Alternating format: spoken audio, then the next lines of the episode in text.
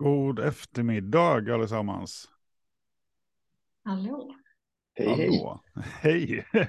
är det bara jag som blir lite fikasugen? Det där introt med, alltså det är lite för mycket bakverk. Eh, men man kan ju behöva lite värme. Eh, nu, nu är det liksom, folk kan ju lyssna på det här all- när som helst, men just idag är det ju inte vårstämning i Stockholm. Eh, och dagen är den 29 mars 2023.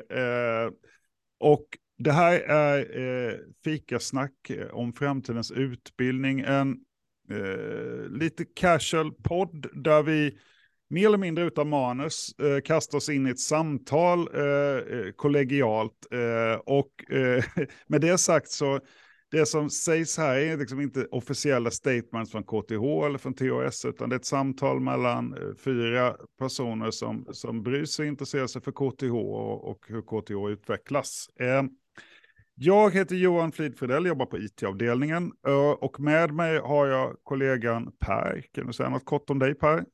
Ja. Per Fagrell heter jag. Jag är programkoordinator i Framtidens utbildning. Jättebra att vi kan vara här två, för du kan programmet mycket bättre än vad jag kan. Men eh, det finaste av allt är att vi dessutom har det bästa man kan ha, nämligen studenter med oss från THS, eh, Tekniska högskolans studentkår. Eh, Maja och Filip, kan ni inte bara kort eh, presentera er, eh, ja, kort vem ni är, vad ni gör och vad ni gör på THS?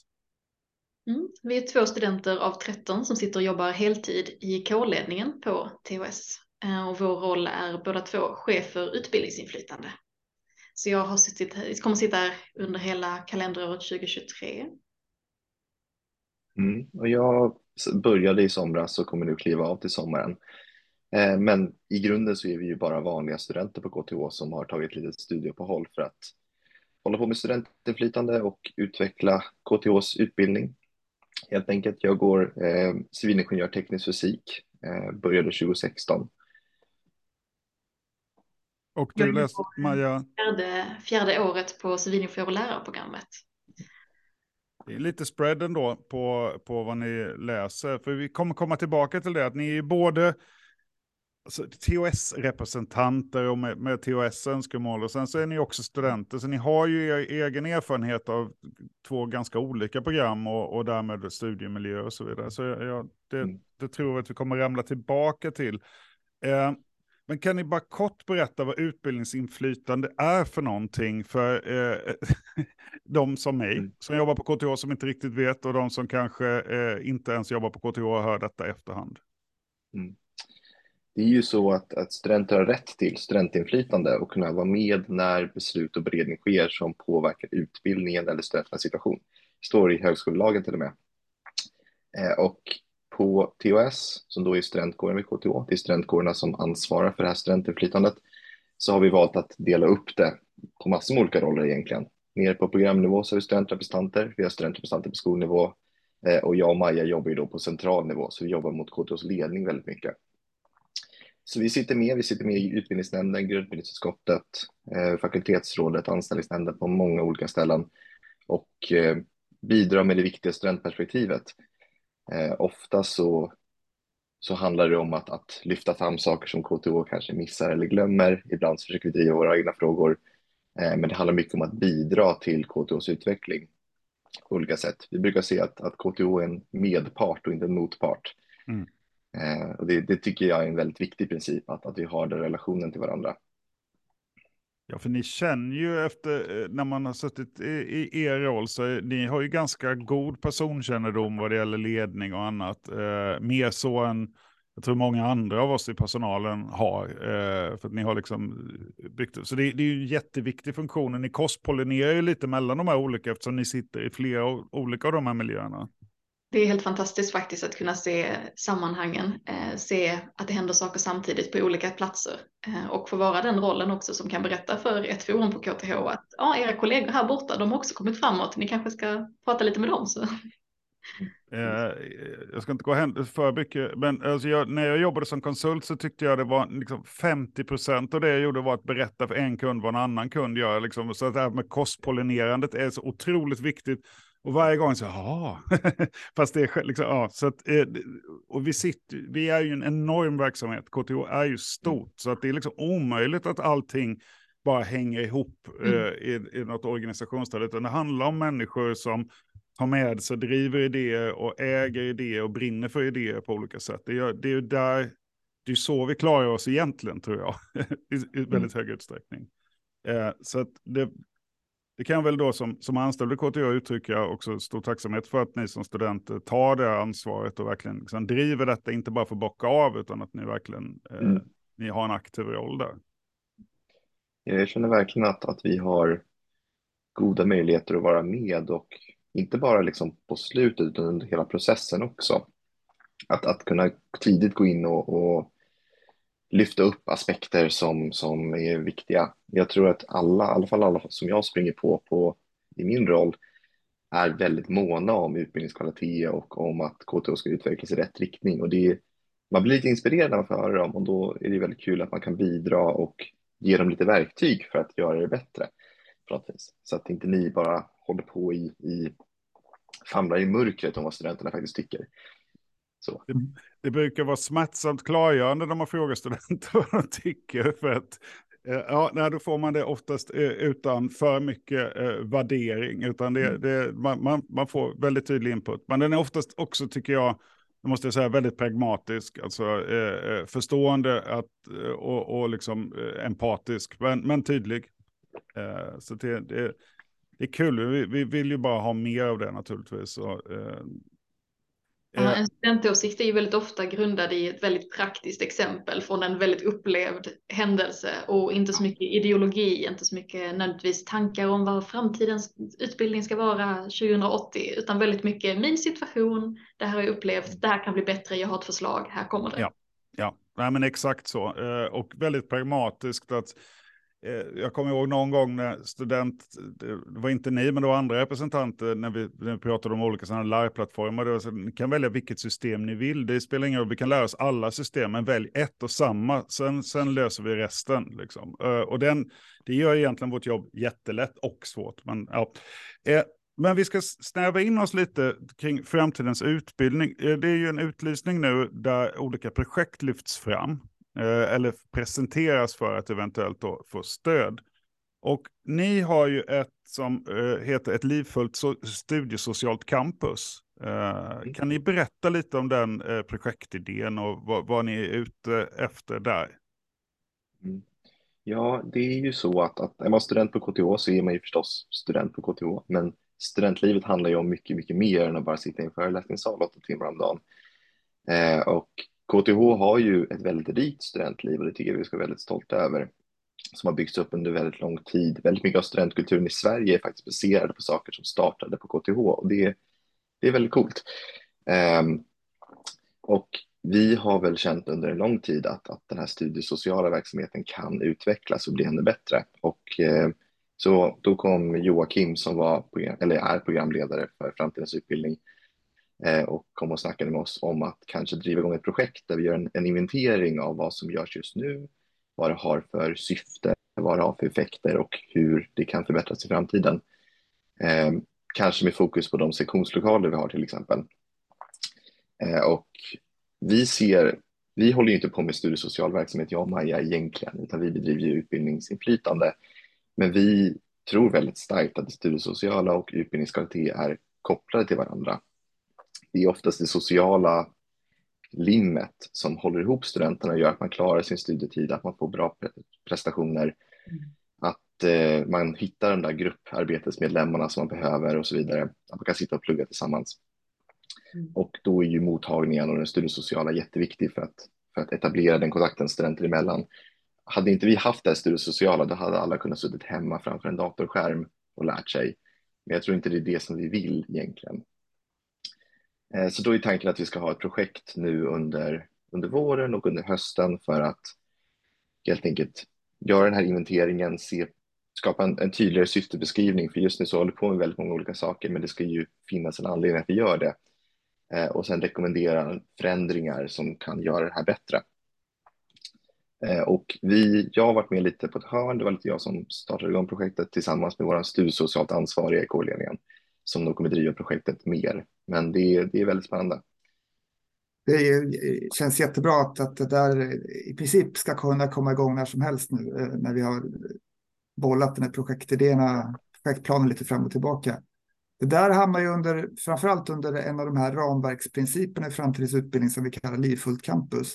Mm, precis. Eh, just precis som du säger, att om inte det studiesociala fanns så skulle egentligen studenterna kunna sitta hemma mm. Eh, och, och, sköta sina studier. Eh, och, och, är det så vi vill ha det? Va? Mm. Det, det, det, svaret är nej, rimligen. Men vi har ju andra principer som i ramverket som, som eh, verkligen appellerar på studentperspektiv och som behöver ha studentperspektiv som en, en utvecklande utbildningskultur och mm.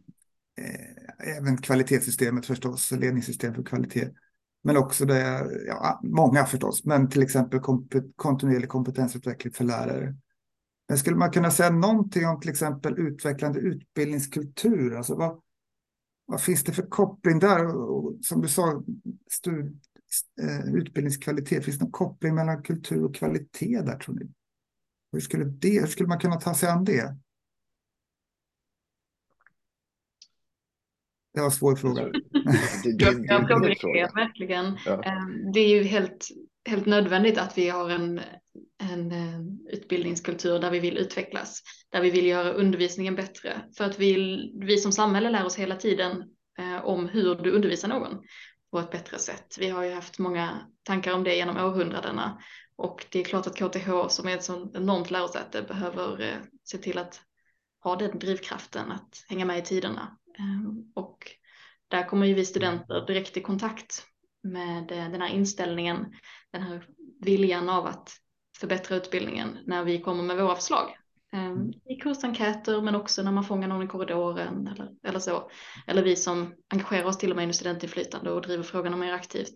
Mm. Ehm, och det märks, har jag märkt väldigt tydligt om eh, läraren lyssnar in åsikterna för att den genuint vill utveckla kursen eller om man lyssnar in det bara för att bocka av så nu har jag lyssnat på studenter, nu har jag hört vad de säger. Mm. Ehm, och det märks Eh, på studenternas engagemang under kursens gång, vad läraren har för inställning. Om, eh, om studenterna genuint tror att läraren vill bättre så är man också mer engagerad i kursen. Eh, och mm. annars skräckscenariot är ju att det, det dödar rätt mycket engagemang i kursen och blir mest skitsnack i korridorerna. Mm. Om studenten får intrycket av att läraren bryr sig inte om vilken kvalitet undervisningen har utan det är mest något som ska bockas av. Så den här viljan av att ha en kultur där ja, mm. läraren vill utvecklas. Det är fantastiskt. Det är precis som att ni, ni befinner er i många olika konstellationer i ledningen. Men ni, ser ju, ni upplever ju betydligt fler kurser än vad någon lärare eh, upplever. Eh, det vet man själv om man undervisar, att man har ju egentligen jättelite koll på hur kollegorna gör. Men ni har ju koll. Alltså ni, ni är ju som ett lackmuspapper liksom, så ni hinner ju plocka upp både det som är jättebra och mindre bra. Hur, hur, mm. hur ser ni att det är idag? Alltså vissa lärare är mer progressiva och intresserade, andra mindre. Eh, eh, hur, hur är fördelningen där? Är det 90-10 eller är det 50-50? Och ser ni någon trend där? Det är jättes, det går inte att svara på generellt, men i, i de kurser ni är inblandade ja. i, som, som studenter alltså. Jag tror, att, jag tror att många lärare, jag tror alla lärare vill göra ett bra jobb. Det mm. vill jag börja med. Eh, och att, att det snarare handlar om vilka förutsättningar man har för att göra det bra jobbet. Att ja. vissa lärare har mer tid för att lägga ner på sina kurser och göra kursutveckling. Andra lärare har 17 andra grejer att bolla i luften. Kanske flera kurser går parallellt, de ska söka forskningspengar, de ska liksom handleda en doktorand, alla de sakerna tillsammans. Så jag tror att det är väldigt viktigt att fundera på vilka förutsättningar lärarna har eh, och mm. i bakgrunden. Sen så tycker jag också att, att KTH har varit väldigt bra på att arbeta med liksom miniminivåer. Att alla lärare ska ha 15 högskolepoäng högskolepedagogik. Det är också en sån här checkbox liksom, som man checkar av. Det vi vill se är ju egentligen den här utvecklingskulturen, att man hela tiden känner att ja, de här högskolepoängen som jag tog i högskolepedagogik, de tog jag för 20 år sedan. Mm. Det är dags att uppdatera min kunskap och att man har det drivet internt. Och där tror jag att det är en mycket mindre del av lärarkåren som känner det i dagsläget tyvärr. Mm. Eh, det är också en förutsättningsfråga. Har man inte tid att lägga på den typen av resonemang så, så resonerar man inte på det sättet. Mm. Eh, och då är det väldigt positivt att det är principer väldigt tydligt i framtidens utbildning att just det här med, med kontinuerlig kompetensutveckling och utvecklande utbildningskultur. Eh, sen så de målen är ju, är ju stora och breda och svåra. Det är mm. inte det är inte bara någonting som man kan förändra, ta ett beslut om. Nu ska KDH ha en utvecklande utbildningskultur, utan det är ju något som måste jobba med över tid. Eh, så då handlar det om vilka strukturer man bygger upp, tycker jag. Men, men, men får jag bara bryta in där Johan, det, det, det, står ju som princip en utvecklande utbildningskultur och ni, ni pratar bägge två med eh, det som, det som om det vore ental. Går det att säga så egentligen, en utbildningskultur? Så, så som vi hörde i inledningen, ni kommer ju från, som vi tycker utifrån i alla fall, eller inifrån, helt olika program, teknisk fysik respektive CL, civilingenjör lärare. Går det att prata om en utbildningskultur? Det tror jag absolut inte det går att göra egentligen, men jag tänker att man kan prata om en målbild för utbildningskulturerna som finns på KTH. Det kan vi absolut göra. Att vi vill ha en där lärare känner att man kan vända sig till varandra för att få tips och tricks om vad som kan utveckla sin kurs. Ehm, vi vill ha en kultur där det är rimligt att be om kunskapsutveckling inom inte bara ämnesområdet utan om undervisningsteknik och liknande. Och jag tror att vi kan prata om rätt många olika utbildningskulturer som hade uppnått den målbilden. Jättebra, tack. Um, jag avbröt dig Johan. Nej, alltså, för, för lyssnaren här då och för våra gäster. Jag och Per är också lite nya på att podda så här. Eh, så att eh, ju mer vi avbryter varandra ju bättre, för då börjar vi komma, liksom, börjar vi släppa sargen här tror jag. Eh, jo, ni, som sagt, ni går ju två, två av väldigt många program vi har på KTH. Eh, hur, hur, ser ni att, liksom, hur är det med traditioner där kring liksom, hur studenternas egen bild? Hur, hur traditionell kontra hur liksom, nyskapande vill man att utbildningsmiljön ska vara? För det, det kan vi ibland uppleva att det är inte alltid lärarna som sätter stopp för vissa saker, utan även studenter kan vara lite konservativa i hur man vill ha vissa grejer. Åtminstone vill man ha det, sen kanske man ändå inte går dit, men man vill att det ska finnas och så vidare. Eh, vad har ni för tankar där? Jag har upplevt en skillnad eh, där jag tycker att mitt program har varit mer progressivt, alltså studenterna står fostrade och det gäller mm. kontinuerlig examination. För jag tror att min bild är att eh, Filip på teknisk fysik läser många fler kurser efter upplägget. Nu kör vi teoriinhämtning, vi räknar på materialet och sen har vi en tenta i slutet som testar kunskaperna.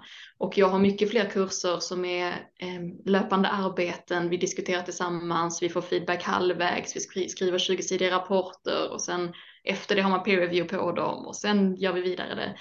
Eh, och att när vi då lyfter frågor, frågor som att ta bort tentaperioder en gång i tiden eller liknande så bemöts det väldigt olika från studenter som har haft kurser eh, med mer kontinuerligt upplägg än de studenter som har många fler kurser med det traditionella. Först får man lära sig och sen testas man på sina kunskaper. Ja, jag tror det är ju alltid läskigt med förändring, så är det ju. Och jag tror att, att vissa vissa program och vissa studentgrupper har kommit längre i det, det tankesättet liksom med, med kontinuerlig examination. Då är det bara ett exempel. Det finns ju mycket mer som man kan fundera på också. Mm. Eh, och jag, jag, delar också Majas bild att det är väldigt mycket. Du sitter i en föreläsningssal och sen så får du en tenta på slutet på fysik. Sen så har jag också märkt en, en långsam förändring på fysik de senaste åren. Jag har ju varit med ett tag eh, mot också mer kontinuerlig examination och mer, mer bredd i examinationsformerna. Så det, det ser jag som positivt att bollen är i rullning, nu ska den bara rulla snabbare på något vis. Mm. Um, nej men jag, jag, kan också tänka mig att det ser annorlunda ut på till exempel, uh, nu har ju varken jag eller Maja särskilt mycket labbinslag i vår utbildning, men går man kemiteknik till exempel, då har man nog säkert jobbat mycket mer med kontinuerlig examination av, för att man har blivit examinerad på sina labbar till exempel. Um, jag, jag, tror att man behöver jobba med både studenter och lärare, men jag tror att de också, det finns en cykel där på något vis, att, att att om lärarna inte breddar sina examinationsformer då kommer studenterna förvänta sig det gamla upplägget och så kommer det liksom kommer snurra på. Ehm, så att, sen så något som jag också vill lyfta är ju att man ska ju se till att examinationsformer är anpassade för vilken, vilka mål man har i kursen och vilken typ av undervisning man bedriver. Att i vissa kurser så kanske en sluttenta är en lämplig examinationsform, men det beror jättemycket på kursen. Jag tror man har applicerat det lite för brett tidigare. Eh, så att innehållet i programmen spelar också stor roll för vad målbilden ska vara, tycker jag. Du lyfte ett jättefint ord med förväntningar där som jag tror är helt avgörande.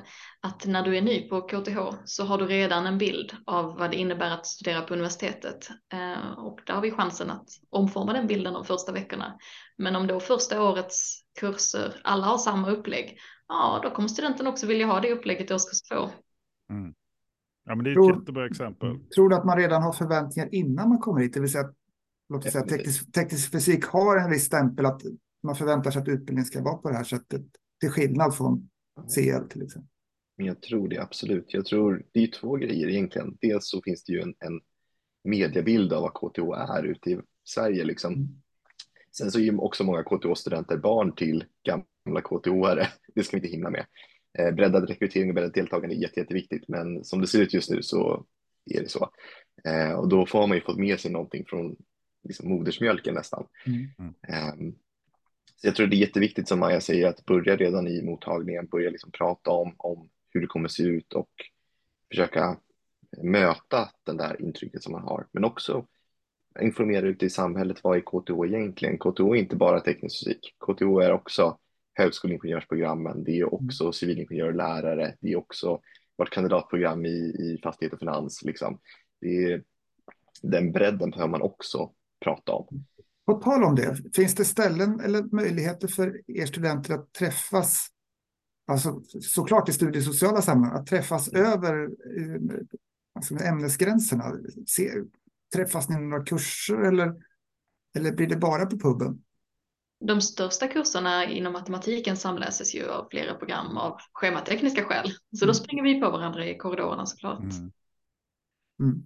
Sen läser jag också. Ja, förlåt. Sen läser jag en utbildning som samläser väldigt många kurser för att vi är så pass få under de äldre årskurserna. Det antas ungefär 70 personer till programmet och vi splittas i fyra olika inriktningar. Så då är vi kanske nio personer på en inriktning som givetvis inte får en egen föreläsare oftast. Mm. Utan hoppar in i andra grupper. Så mitt program är nog de som träffar flest program på KTH skulle jag gissa. Mm. Ja, jag skulle också säga att mastern är ett sådant tillfälle. Det är ju ofta så att en master kan man ha flera mm. olika ingångar till. Där träffar man också internationella studenter, vilket är mm. också en jätteintressant och dynamisk. Eh, men annars så är det nog mycket pubbar och eh, det finns ju studiesocial verksamhet som också inte bara handlar om alkohol utan vi har ju Svex också, vi har ju oh. kårföreningar.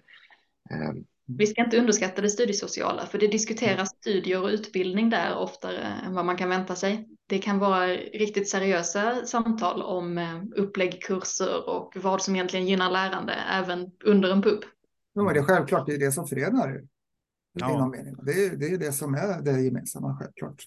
Nej, för det, det, där kan man ju koka ner tror jag, filosofiskt till vad är ett universitet? Är det kurserna vi ger? Är det föreläsningarna vi ger? Är det tentaångesten vi delar? Eller är det mm. liksom hur, hur, hur tusen stryker man kläder? Ja, men det, alltså, det är ju så oändligt många olika saker som man liksom får en crash course i när man börjar, på, börjar plugga. Och det är där vi måste ha de här resonemangen och idéutbytena, ja. för annars så sitter vi tillbaka där vi lika gärna kan sitta hemma och läsa kurslitteratur och köra en onlineundervisning på egen hand. Ja, för jag, jag tänkte lyfta, det, det, det, allt är inte frid och fröjd på KTH heller. och det finns ju de som säger att ja, men vill har ett levande campus, men de kommer ju inte på föreläsningarna. Liksom. Eh, och då kan det ju bero på att det är inte därför vi ska ha ett campus, eller att det är det viktiga. Min farhåga är ju att till slut är det bara en arbetsplats där vi TA-personal går och sätter oss och driver kontor. Det vore ju katastrof om det blev liksom det campuset är och resten sker någon annanstans. Eh, det, det är ju ingen som tror och ingen som vill. Men hur, och det, det projekt ni har föreslagit är en, ett sätt att liksom vitalisera de här tankarna. Vad är ett campus för våra studenters behov imorgon? Um, mm. För vi ser ju nu då med, med ChatGPT och så, så en, en spin-off till den kan då summera en KTH-föreläsning till tio punkter. Och uh, då skulle ju läraren egentligen kunna skriva tio punkter på en powerpoint och lägga ut direkt. Alltså, då så det, det, det, är liksom, vi har ett arbete att göra där, att verkligen liksom fylla i det här, det som försvann när vi, när vi körde Zoom under pandemin. Mm. frågan är, vad var det som försvann där? Eh, kan vi börja identifiera det och förstärka det och ta vara på det, ja, men då, då är vi nog något på spåren säkert. Men vad har ni för tankar för det? För det, tiden rinner snabbt när man har trevligt, så vi har några minuter kvar att fånga liksom det ni vill ha som medskick till mestadels lärare och annan TA-personal som kommer kika på det och lyssna på detta i efterhand. Ja, jag hugger direkt. Eh. Det är så att, att eh, redan innan pandemin så fanns det ju olika upplägg som lärare använde på sina föreläsningar och jag tyckte man märkte stor skillnad i hur det påverkade till exempel hur många som deltog. Ehm, att de lärare som kunde få till samtal i klassrummet, antingen mellan lärarna och studenterna eller studenter emellan, var oftast mycket mer framgångsrika när det gäller att locka studenterna att dyka upp. Eh, jag tycker inte vi ska ha obligatoriska föreläsningar på KTH, jag tror det skulle vara kontraproduktivt.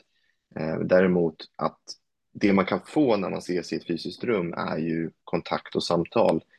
Eh, det saknar man ju i, om man tittar på en powerpoint. Liksom. Mm. Så att jag tror att, att man behöver tänka på vad föreläsningarna är till för. För ren kunskapsöverföring kan nog, en del föredrar nog att sitta och lyssna och anteckna, men jag tror många skulle nog hellre då sitta och läsa en bok. Ehm, men det, då får man inte den här dynamiken på vis. Har du några tankar Maja? Ja, det jag saknade mest som student var ju de här tre minuters samtalen i rasten.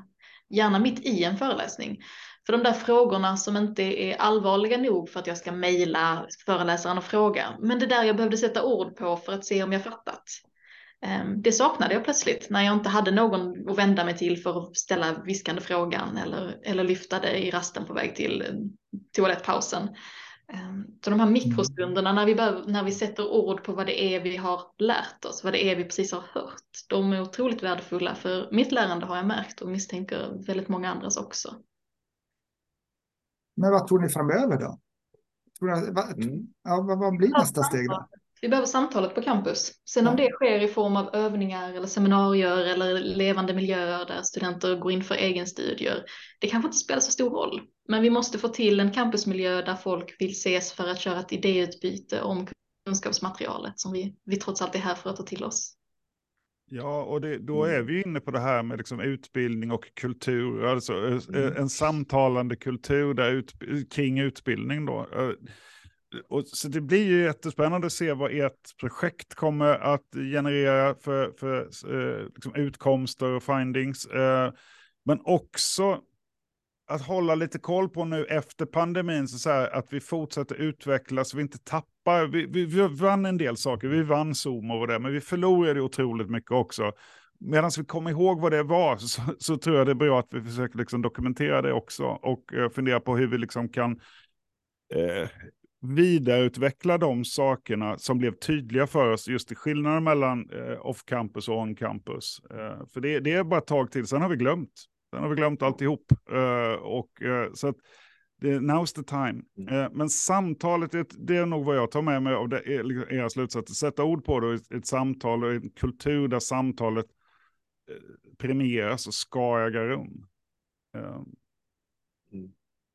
Det tycker jag var väldigt klargörande och nyttigt faktiskt. Eh, per, har mm. du någon, sån någon fråga som, som... Nej, men det, det, det touchar ju det här som vi också, vi kanske inte hinner med, med det här medskapandet som vi pratar om, att tillsammans faktiskt med läraren, eh, studenter och lärare, tillsammans skapar kursen och skapar innehållet och ut, framförallt resultatet av kursen. Eh, det är inte läraren som bara kunskapsöverför, utan det är faktiskt en, en gemensam process. Ja, och ett gemensamt kanske, ansvar. Ja, ja, och då, då kanske, i alla fall tidigare har vi sagt att det gör vi bäst genom att träffas. Ja. Eh, fysiskt eller så här och ha ett samtal och prata om det på olika sätt.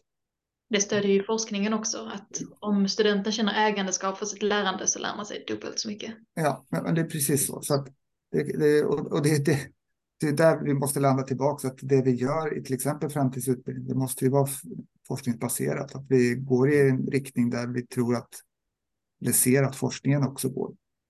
Eh, så att det, mm. bra att du sa det Maja, helt riktigt. Mm. Och eh, ett samtal är ju inte en engångsföreteelse, det vill säga vi kommer väl förhoppningsvis få möjlighet att snacka igen om sex månader eller något sånt, för då har det hänt en del saker. Eh, mm. Så eh, vi, vi, är tvungna att runda av den här delen av samtalet, men vi ser fram emot nästa steg. Eh, superfina inspel och eh, alltså det, det kändes som ni hade skriptat en del av det där. ni är hemskt bra på att uttrycka vad ni tänker. Eh, det är lysande och, och, mycket glädjande för oss. Eh, särskilt smålänningen av oss då som idag mest snubblar på orden känns det som. Eh, Tusen tack för att ni tog er tid för ett eh, fikasnack om framtidens utbildning. Eh, lycka till med både studier och arbetet med TOS och med projekt och eh, på återhörande. Absolut, tack själv. Mm. Så mycket. Hej då. Hej då. Hej. Hej då.